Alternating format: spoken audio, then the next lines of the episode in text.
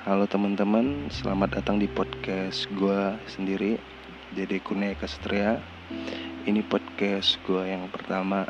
Gue bakalan ngasih nama ngode Ngobrol bareng Dede. Uh, Di podcast ini gue bakalan isi dengan cerita-cerita gue sehari-hari Dengan siapa aja gue ketemu nanti palingan kalau ada temen-temen gue yang memang gue bilang bisa bilang itu unik atau memang punya cerita menarik untuk kalian dengar juga gue bakalan bikin di podcast ini.